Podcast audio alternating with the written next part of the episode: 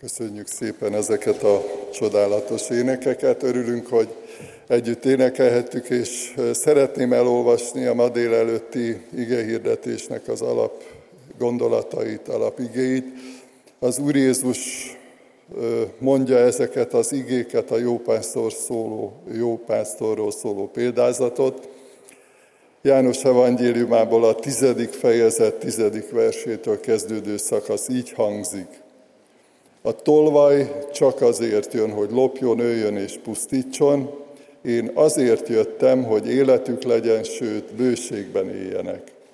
Én vagyok a jó pásztor. A jó pásztor életét adja a juhokért. Aki béres és nem pásztor, akinek a juhok nem tulajdonai, látja a farkast jönni, elhagyja a juhokat és elfut, a farkas pedig elragadja és elszéleszti őket.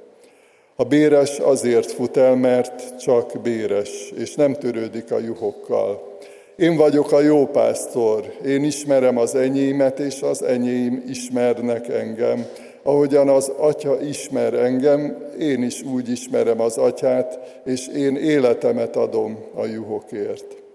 Más juhaim is vannak nekem, amelyek nem ebből az akkolból valók azokat is vezetnem kell, és hallgatni is fognak a hangomra, és akkor lesz egy nyáj, egy pásztor. Eddig olvastuk Isten igét. Foglaljunk helyet, testvéreink!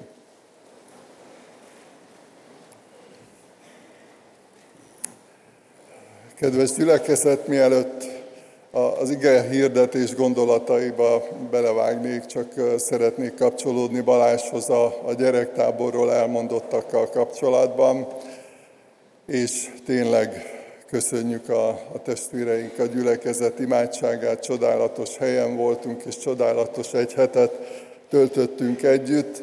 A részleteket most nem mondjuk el, úgy tervezzük, hogyha Isten megengedi és élünk, akarja és élünk, akkor szeptemberben el fognak jönni majd a gyerekek egy vasárnap délelőtre, és akkor tartunk egy kis beszámolót, vetített képes beszámolót arról, hogy mi történt, milyen ajándékokat kaptunk Istentől.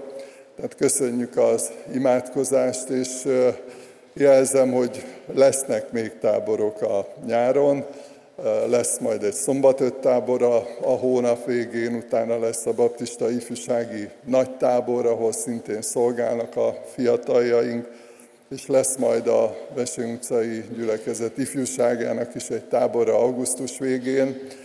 Tehát ezekért tényleg folytathatjuk az imádkozást, hiszen nagyszerű lehetőségek arra, hogy megtérések történjenek, hogy megújuljunk, hogy összeforjunk, hogy kapcsolódjunk, hogy megtisztuljunk. Nagyon-nagyon sok érték és lehetőség van egy-egy ilyen táborban, táborozásban. Visszatérve az igére, illetve erre a képre, amit láthattok, egy csodálatos kép ez, amit láthatunk, és igazából amiről olvastunk, nagyon jól kifejezi annak a lényegét, amiről az Úr Jézus beszélt, és nagyon szemléletes, ahogy körülveszik ők, őt a, a bárányok, ahogy egy kis bárányt a karjában tart, és ő viszi, tehát az Úr Jézus viszi, mert nem biztos, hogy tud olyan sokat menni egyfolytában követik a juhok, tehát nagyon sok minden benne van ebben a, ebben a képben, ami az igéből következik. És azt gondolom, hogy például a 23. Zsoltárt, amikor Dávid megvallja, hogy az Úr az én pásztorom, nem szűkölködöm, azt is lehet, hogy nagyon sokan könyv tudjátok, el tudnánk mondani, hogyha álmunkból fölébresztenének, de nem csak az a fontos, hogy ezek a gondolatok, ezek az igék, mint egy tudás, mint egy ismeret, mint egy lexikális tudás benne legyen a, az agyunkban, az értelmünkben, a tudatunkban, hanem, hanem az is, hogy ennek a valósága, ennek a lényege, hogy mit jelent az, hogy az Úr a mi pásztorunk, hogy ő az, aki vezet, ő az, aki irányít, ő az, aki gondoskodik rólunk, ő az, aki vigyáz ránk, és sorolhatnám, hogy mennyi értéket, mennyi ajándékot kapunk tőle. És egyébként akik ismeritek a Szentírást, az Ószövetségi ígéket, tudjátok, hogy ezt a képet, ezt a példát, vagy példázatot nagyon sokszor használja a Biblia Isten és az ő népe kapcsolatára nézve is,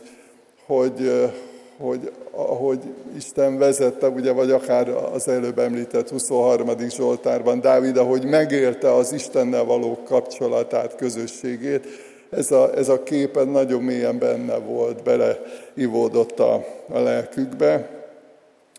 Nyilván a mi kultúránkban, vagy itt Budapest közepén nem annyira értjük így első látásra, első hallásra, és jó, hogyha ezért utána olvasunk, vagy átgondoljuk, hogy, hogy akkor abban a helyzetben, amikor az Úr Jézus beszélt erről, akkor, akkor mit értettek alatta, mert nyilván akik hallották ezt nagyon jól értették, nagyon jól tudták, hogy, hogy mire gondol az Úr Jézus, és ezért is érdemes itt egy picit hadd biztassak mindenkit arra, hogy, hogy mélyen tanulmányozzuk a, a Szentírást, és akár az olyan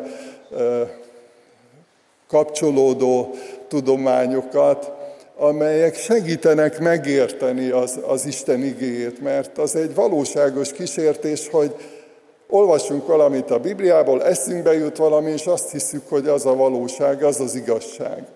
De hogy mérhetetlenül sok ajándékot, kincset tudunk kapni akkor, hogyha megértjük az igét, ha megértjük az Isten gondolatait, és biztos vagyok benne, hogy már nagyon sokszor jártatok úgy, hogy olvastátok a Bibliát, mondjuk az új szövetséget, és a, a gondolatok eszetekbe juttattak nektek egy ószövetségi igét, vagy párhuzamos gondolatot, és összeáll a kép, tehát megtanuljuk egyre inkább megérteni az Isten gondolatait, mert ugye azt tudjuk, hogy magasabb rendű az Isten gondolkozása, mint a miénk, és nem mindig könnyű megérteni, és éppen ezért jó, hogyha dolgozunk ezen, ha energiát, időt fordítunk arra, hogy, hogy megértsük az Isten igéjét. És hát a jó pásztorról szóló példázat is egy picit ilyen, hogy azért különösen a városi embereknek, akik nem biztos, hogy láttak még bárányt esetleg filmen, vagy, vagy könyvekben, de egy picit gyötrődjünk ezen, vagy gondolkodjunk ezen, hogy mit akart az Úr Jézus mondani. De a jó pásztor jó vezető. Ezt mindjárt kivetítem a képet, egy kicsit meglepetésnek szántam, ugyanis az elmúlt években ide került Magyarországra valaki, aki elég jó vezető, őt úgy hívják, hogy Márko Rossi. Ugye a fiúk előnyben, meg azok a lányok vagy hölgyek, akik szeretik a focit. Ő a magyar válogatott foci vagy futballválogatott jelenlegi edzője. Egy nagyon érdekes ember, hadd mondjak róla el egy-két dolgot. Annak a megértésében segít ez nekünk, hogy milyen a jó vezető, és hogy, hogy ezzel együtt nyilván azt is segít megérteni, hogy mi, milyen ami megváltunk. Milyen az Úr Jézus? Vagy hát nyilván abba az irányba is tovább kell menni, csak ezt így vezetőként vagy szószékről lehet, hogy picit kényelmetlen, hogy milyennek kellene lennünk nekünk, mai vezetőknek, de hát erről is muszáj gondolkodni, vagy beszélgetni. Nem nagyon ismerték korábban, Magyarországon különösen nem ismerték ezt a ezt az embert, akit Márkó Rosszinak hívnak, és egyszer szerződtették egy csapathoz, ahol elég nagy bajok voltak, anyagilag is, a játékos állomány tekintve is, tehát elég kilátástalan helyzetben volt az a csapat, ahova került, és hát a legnagyobb megdöbbenésre bajnok csapat lett magyar bajnok csapat lett abból a, abból a csapatból, egyébként a Honvéd volt ez a csapat. A, a játékosok, ugye ma már ez is egy érdekes dolog, hogy sokszor pénzben mérik az értéküket, hogy ki milyen értékes, milyen drága vannak, drágább vannak, olcsóbb játékosok. Kicsit furcsa ez így, amikor emberekről beszélünk, de nyilván valahol a teljesítményt vagy a tudást próbálják ezzel szemléltetni. De lényeg az, hogy olyan emberekből álló, olyan focistákból álló csapatot segített Márkó bajnokságra, akiknek előre nézve nem nagyon volt rá esélyük, mert nem voltak olyan értékesek, nem voltak olyan nagy tudásúak, tehát volt valami titka, vagy van valami titka ennek az embernek, ami, ami miatt ki tudja hozni az emberekből azokat az értékeket, amik egyébként benne vannak. Tehát van, van egy olyan értéke, egy ajándék, egy képessége, ami meggyőződésünk szerint Istentől, hiszen ezek a képességek Istentől vannak, ami, amivel segíteni tud abban, hogy, hogy valaki fejlődjön, hogy valaki teljesíteni tudjon, hogy jól tudjon teljesíteni. Ez az egyik. A, a másik, amiben bár én nem vagyok szakértő, nem is akarok az lenni, ilyen fotball szakértő, de a másik, amiben e, szerintem hatalmas munkát végez, az, hogy csapatot épít. Ismerős, nem? Hogyha Jézusra gondolunk vele kapcsolatban is, hogy az egyik legfontosabb küldetése a megváltáson túl, vagy a megváltáson belül, a csapatépítés volt, hogy egy olyan tanítványi gárdát, egy olyan csapatot állítson össze és készítsen fel, aki tovább tudja vinni az ő ügyét, az evangélium hirdetését és a, a bűnbocsánatnak a meghirdetését.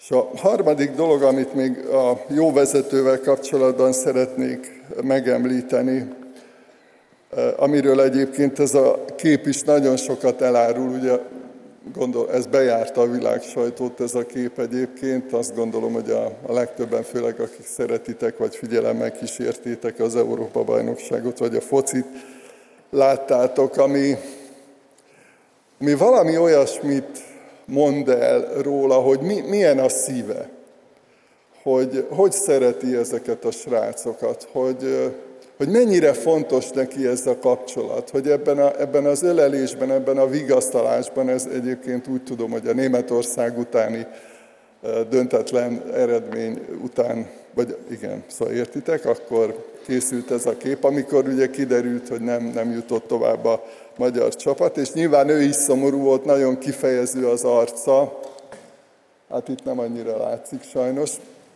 de valakit érdekel, az interneten megtalálja a a jó, jó kontúrosan kivehető képet. Köszönöm, a Tibor becsukja mindjárt az ablakot, és akkor csak egy pillanatra utána vissza lehet nyitni, hogy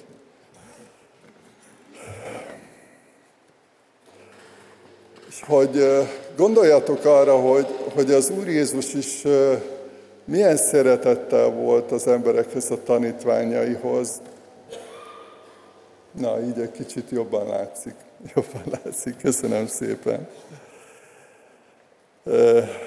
Tehát segített nekik a képességeiknek megfelelően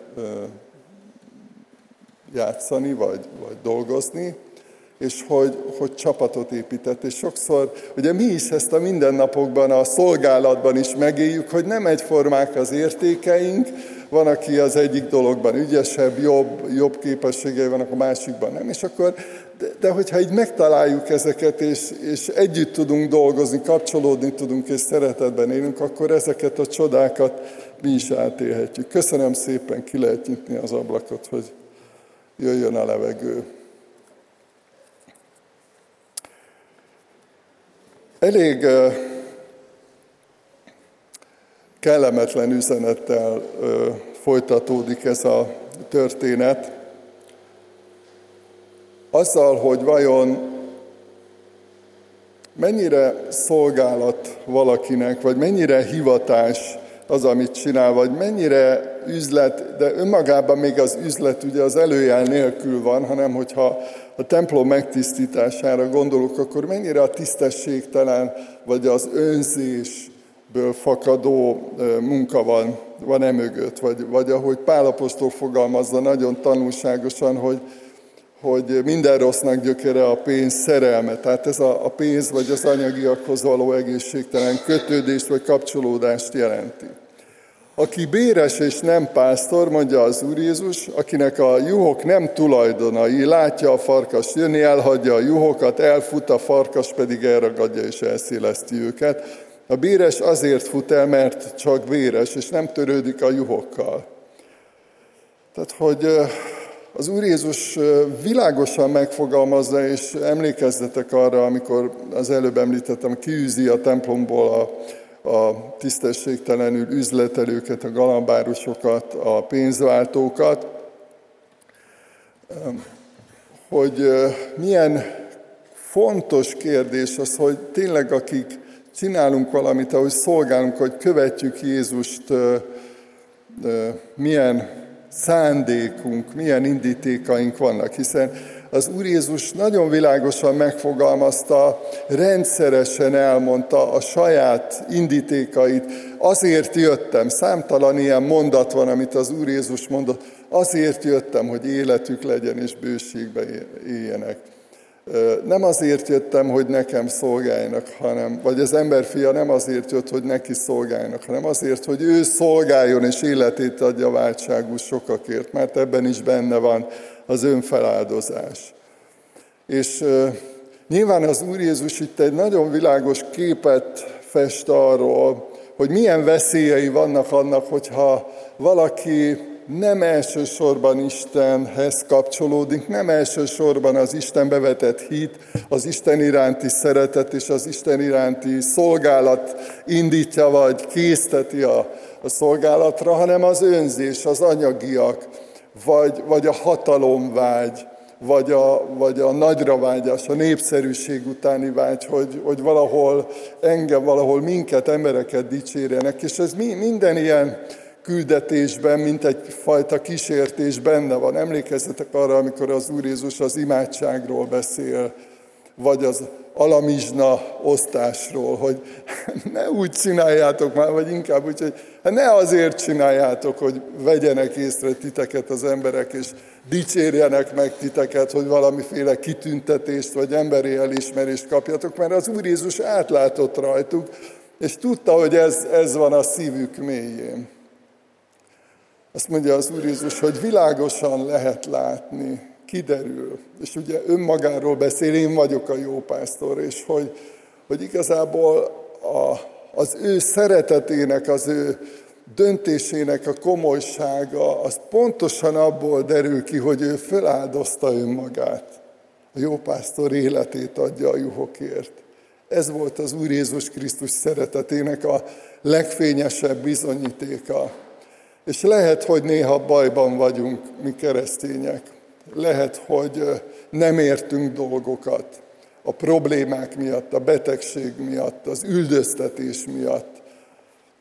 Borzalmas híreket lehet most egy-két hete Nigériából jött egy ilyen információ, hogy 140 gyermeket raboltak el egy keresztény iskolából. Tehát felfoghatatlan tragédiákat élnek meg a világban a keresztények. Mi most nem ebben a helyzetben vagyunk, de a napjainkban történnek ezek a tragédiák, és fel sem tudjuk fogni, csak itt próbáljuk elképzelni, hogy milyen borzalmas érzés lehet az, amikor ott látszik egy-két képen, ahogy a, szülők ott érdelnek, imádkoznak az üres iskolában, és el, elrabolták a, a gyerekeiket. De hogy még ezekben a borzasztó, kritikus helyzetekben is a keresztnek, az Úr Jézus szenvedésének, halálának a, az igazsága hirdeti, hogy Jézus az, aki önfeláldozó módon szeret minket, aki magára vállalta a bűneink büntetését. Azt írtam még ide magamnak, hogy Tudom, hogy sokan teszitek, csak bátorítalak titeket, hogy folytassátok, hogy imádkozzatok a, a vezetőkért. Hogy ne csak munkakör legyen az, hogyha valaki szolgál. Ne csak egy, egy feladat halmaz. Biztos sokszor tapasztaltatok már ilyet, akár ügyintézés során lehet egy orvosi rendelőben, lehet egy, egy iskolában, egy, egy iskolai órán, vagy még, még néha ilyen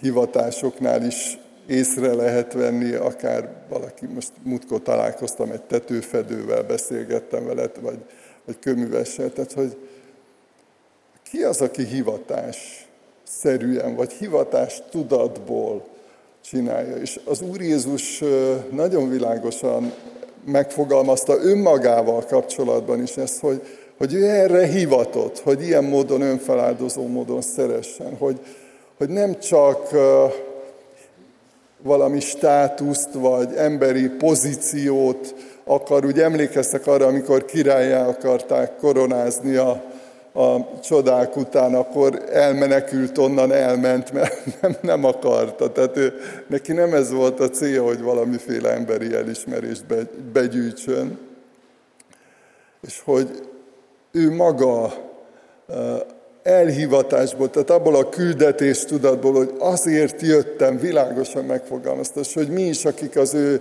tanító követői vagyunk, valamilyen módon vezetők, szolgálattevők vagyunk egy közösségben, hogy, hogy könyörögjetek értünk továbbra is, hogy, hogy ott legyen bennünk ez az őszinte hivatás tudat, hogy, hogy nem csak valamiféle munkakör vagy tevékenység az, amit csinálunk, hanem egy isteni küldetés, egy isteni forrás van mögötte.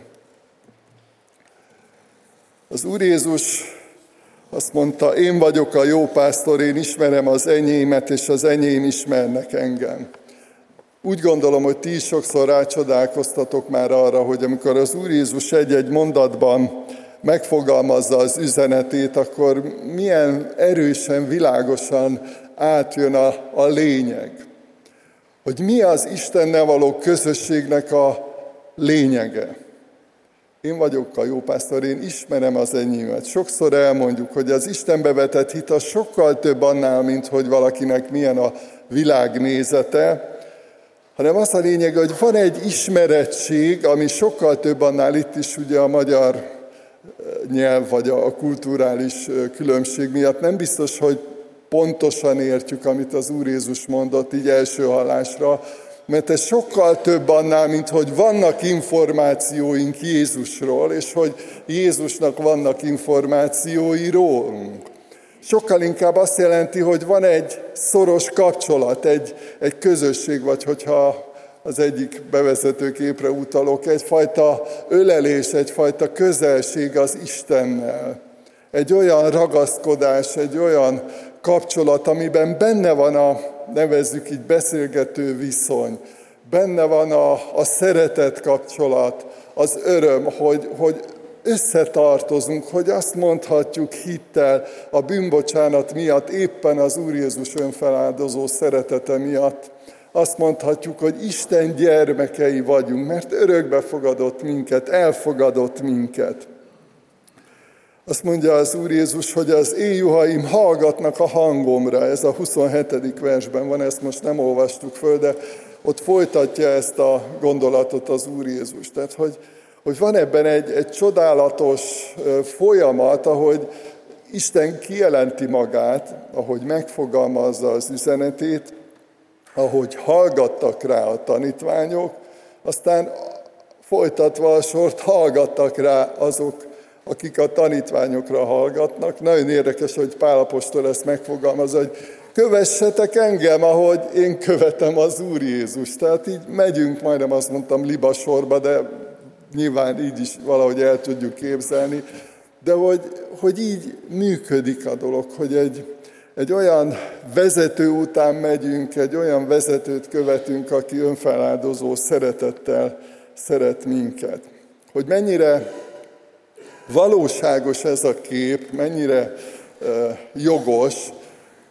Valaki írt erről, hogy, hogy Júdeában pont tanúja volt egy olyan eseménynek, amikor hatalmas vihar tört ki, hát mostanában ezeket is tapasztalatból is tudjuk, és a vihar elől egy nagy barlangba bemenekültek a, a juhok, és pont úgy alakult, hogy két nyáj volt ott, több pásztorral, és bemenekültek egy ilyen nagy barlangba, de ott nyilván összekeveredtek a nagy tumultusban, és amikor vége volt a viharnak, és kijöttek, akkor a pásztorok egymástól távolabb álltak, és elkezdték hívogatni a bárányokat, és mindegyik bárány oda ment a saját nyájához. Meg, megismerte a pásztorának a hangját. Teljesen egyértelmű volt, hogy hova tartozik, hogy kit követ, hogy kihez tartozik. És valami ilyesmiről beszél itt az Úr Jézus, hogy, hogy meghalljuk az ő hangját. Nagyon sokféle hang van ma. Sőt, már a bibliai korban is olvasunk arról, hogy lesznek olyanok, akik más Jézust hirdetnek. Sokféle hang van, ma is. Elég csak a mi országunkra, vagy a mi kis földrészünkre, Európára gondolni, hogy milyen sokféle hang van. Ki az, aki Jézusra hallgat? Amikor hív, jöjjetek utána, vagy jöjjetek én hozzám, minnyáján, akik megfáradtatok, meg terhelve, vagy kövessetek engem, elhangoznak ezek a felhívások. És meghallják azok, akik Krisztust akarják követni. És oda tartanak, és oda tartoznak, és ott épül a, mondjam így a focis hasonlathoz, ott épül a csapat. Ő munkálkodik bennünk. Az Úr Jézussal való közösség, mert hogy ő a jó pásztor, erőforrást is jelent elképesztő. Tudom, hogy ti is átéltetek már ilyet nagyon sokszor, hogy valamikor úgy éreztétek, hogy nincs erőtök, akár egy kísértéssel szemben nemet mondani, akár felvállalni egy szolgálatot, valamit, amire azt gondoltuk, hogy nincs már erőm, nincs energiám, nincs ötletem, és mégis adott erőt Isten a Szentlélek által. Vagy amikor elfogyott az ötletünk, amikor bölcsességért kiáltottunk, hogy Uram, könyörülj rajtam, hogy eligazodjak, adj ötletet, tanácsot, gondolatot, és adott. Tehát ebből a kapcsolatból, ebből a közösségből, hogy ő a jó pásztor, mérhetetlenül sok érték és ajándék származik. Hogy mennyire fontos ez a megismerés az Úr Jézussal való közösségben, az ő végtelen hatalmának, dicsőségének, szeretetének a megismerése. Pálapostól azt írja, hogy mindent kárnak és szemétnek ítélek, csak hogy megismerjem őt, és az ő feltámadásának erejét, és hasonlóvá legyek az ő szenvedéseiben is. Mindent alárendelek, mindent hátrább teszek. Amikor csinálunk ilyen bemutatókat, akkor van egy olyan lehetőség, akik ismeritek ezeket a szövegszerkesztőket, meg bemutató készítőket, tudjátok, hogy, hogy nyilván, hogyha most erre a szövegre egy képet rá akarunk tenni, akkor két lehetőség van, vagy a kép kerül előtérbe, vagy azt is megtehetjük, hogy a kép ott marad, de hogy a szöveg látható marad. Tehát előtérben marad. És van egy olyan funkció, amikor ilyen szövegszerkesztővel dolgoztok, hogy hátra küldés. Tehát amikor egyébként ott van a valóságban, ott van a szöveg, vagy ott van az a kép, de úgy döntesz, mert van rá lehetőséget, hogy hátra küldöd. Alárendeled. Valami ilyesmiről van szó. Azt írja Pálapostól, hogy mindent kárnak és szemétnek ítélek, mindent alárendelek annak érdekében, hogy megismerjem az Úr Jézust. És újra mondom, nem csak néhány információról van szó. Egy tragédia ma azt gondolom, hogy nagy kísértés a kereszténységnek, hogy vannak információi Jézusról, de nem ismerik nagyon sokan. És ez nekünk is kihívás, hogy, hogy hogyan tudjuk őt még jobban megismerni, hogyan tudunk azonosulni vele, az ő szeretetével, az ő bölcsességével, az ő hatalmával, az ő, ő tisztaságával, hogyan tudunk teljesen azonosulni. Más juhaim is vannak nekem, mondja az Úr Jézus, amelyek nem ebből az akolból valók, azokat is vezetnem kell. Hallgatni is fognak hangomra, és akkor lesz egy nyáj, egy pásztor. Érdekes, hogy az Úr Jézus ebben gondolkodik, egy nyájban. Ahogy említettem a, a példában, amikor a, a pásztorok hívogatták a bárányukat, hogy, hogy mindenki a saját pásztorához ment. A gyülekezetről azt írja Isten igéje, hogy, hogy az eklézia, sokszor hallottátok már ezt a szót, ami szó szerint azt jelenti, hogy kihívott minket Isten, az istentelenségből, a hitetlenségből, a bűnből, és összehozott egy közösségbe, hogy mondjam így, egy csapatba, egy társadalomba, az Isten népének a társadalmába összegyűjtött minket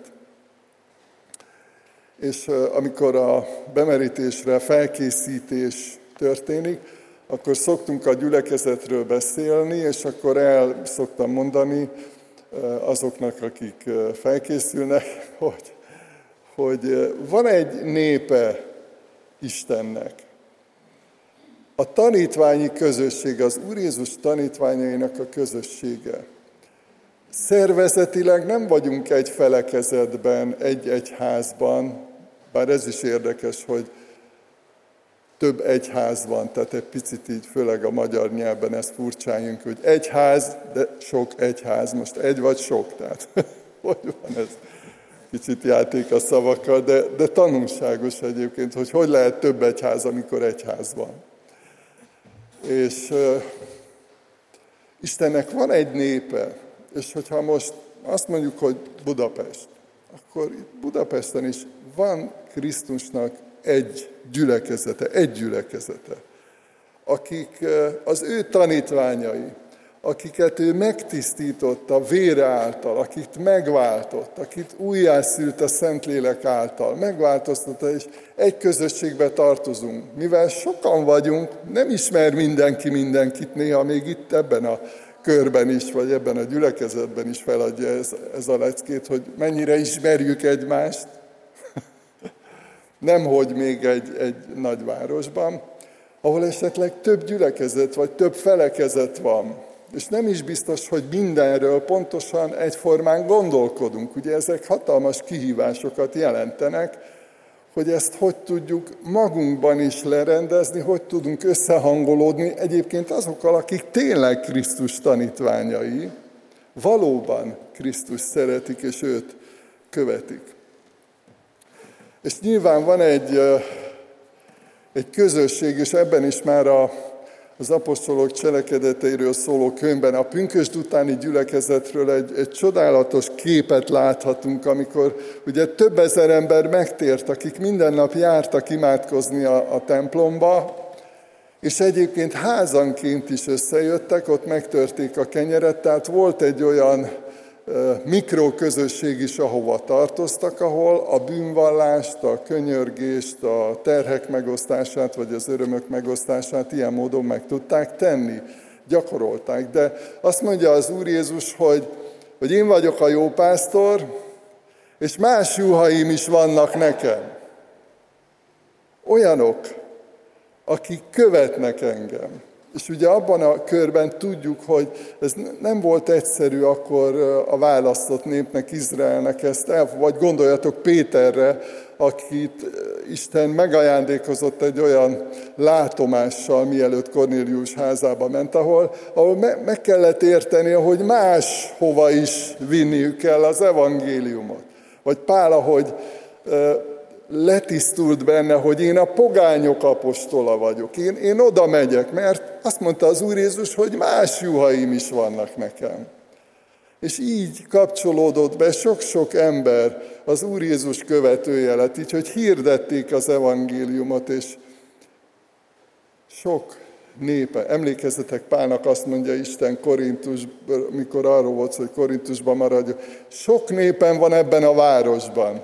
Pedig nem tudta, hogy kik azok, meg nem tudta, hogy kik lesznek, meg nem tudta, hogy mennyien lesznek.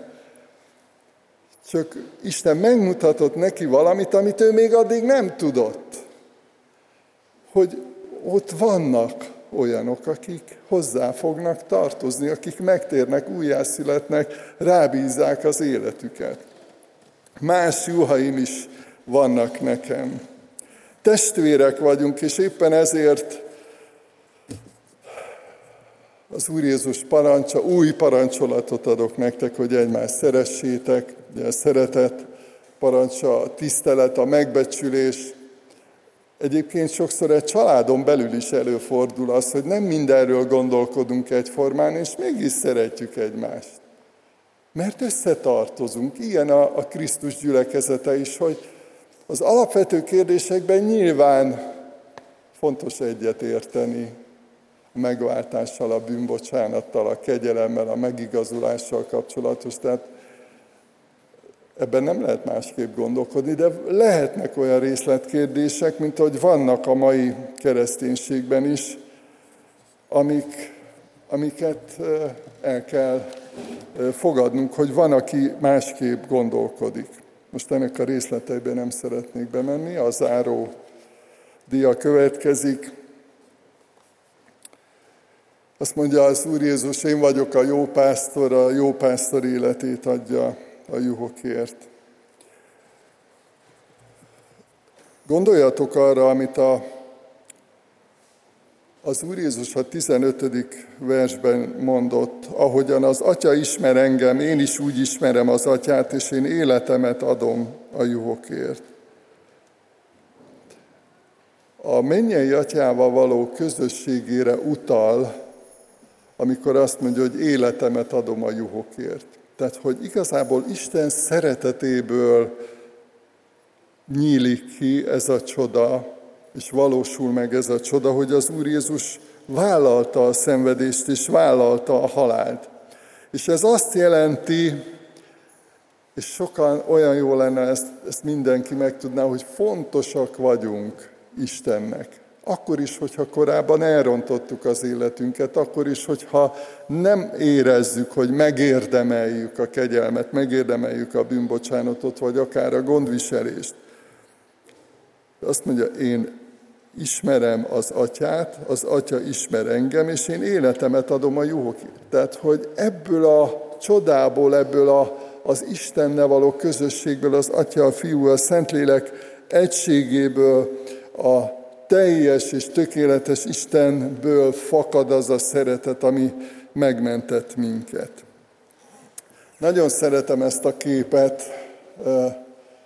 a három kereszt miatt.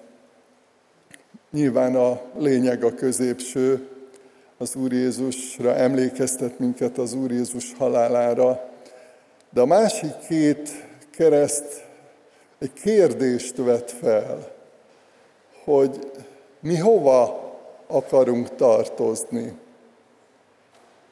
Mi hogy gondolkodunk Jézusról? Ugye ott az volt a kérdés, azt mondta az egyik lator, hogy, hogy mi méltán szenvedünk. Tehát belátta a bűnösségét, belátta azt, hogy, hogy méltán szenved, és felismerte Jézusban az ártatlant, a bárányt, ugye a megöletett bárányt, hogy, hogy ő nem érdemelte meg ezt. És ehhez kapcsolódik még az, amit eh, megfogalmazott, eh, hogy, hogy ő szeretne Jézussal lenni. Emlékezzél meg rólam. És ez is sokkal több annál, mint hogy remélem eszedbe jutok. sokkal több ennél. Igazából Jézussal akart lenni, Istennel akart lenni, abban a biztonságban, abban a dicsőségben, abban a teljességben, ami, aminek Isten a garanciája. A 16. Zsoltárban ezt olvassuk. Megismerteted velem az élet útját, teljes öröm van te nálad, örökké tart gyönyörűség jobbodon. Zárjuk ezzel a kérdéssel ezt a gondolatot. Mit gondolunk Jézus Krisztusról? Mit gondolunk a bűneinkről, a mi felelősségünkről? És mit gondolunk, hogy hogy akarjuk folytatni az életet? Jézussal vagy Jézus nélkül? Csendesedjünk el, és egy néhány pillanatig csendben imádkozzunk. Az imádság alatt kérem majd az énekar tagjait, hogy foglalják el helyüket, és utána ők fognak énekelni. Imádkozzunk!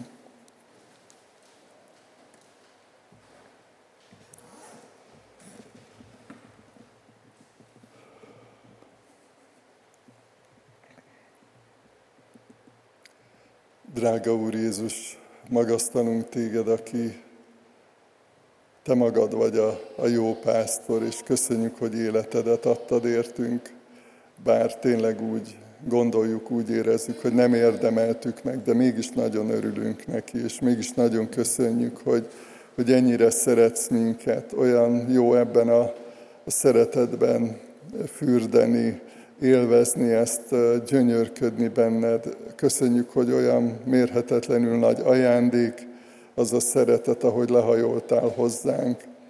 Köszönjük, hogy biztonságban vagyunk, amiatt, hogy szeretsz minket. Biztonságban vagyunk, amiatt, hogy, hogy megbocsátottad a bűneinket.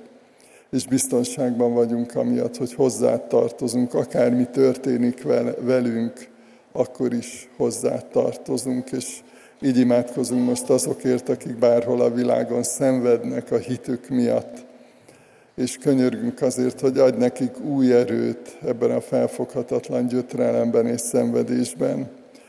És drága Úrunk, imádkozunk a Te ígédnek a győzelméért, hogy itt a mi országunkban is egyre több ember hallja meg a Te hangodat, egyre többen legyünk, akik hálát adunk neked, akik magasztalunk téged, egyre többen legyünk, akik megtisztulunk a bűneinkből, a hitetlenségünkből, és imádkozunk azért, hogy a te igazságod, a te gondolataid, a te tudásod határozza meg a mi életünket, a mi döntéseinket, és kérünk, hogy áraszt ki ránk a te drága lelkedet, Segíts, hogy úgy gondolkodjunk, ahogy Te gondolkodsz, úgy érezzünk, ahogy Te érzel, és szeretnénk itt teljesen azonosulni veled, és, és kapcsolódni hozzád, és könyörgünk azért is, hogy áld meg itt a mi városunkban és a mi országunkban is a Te népedet.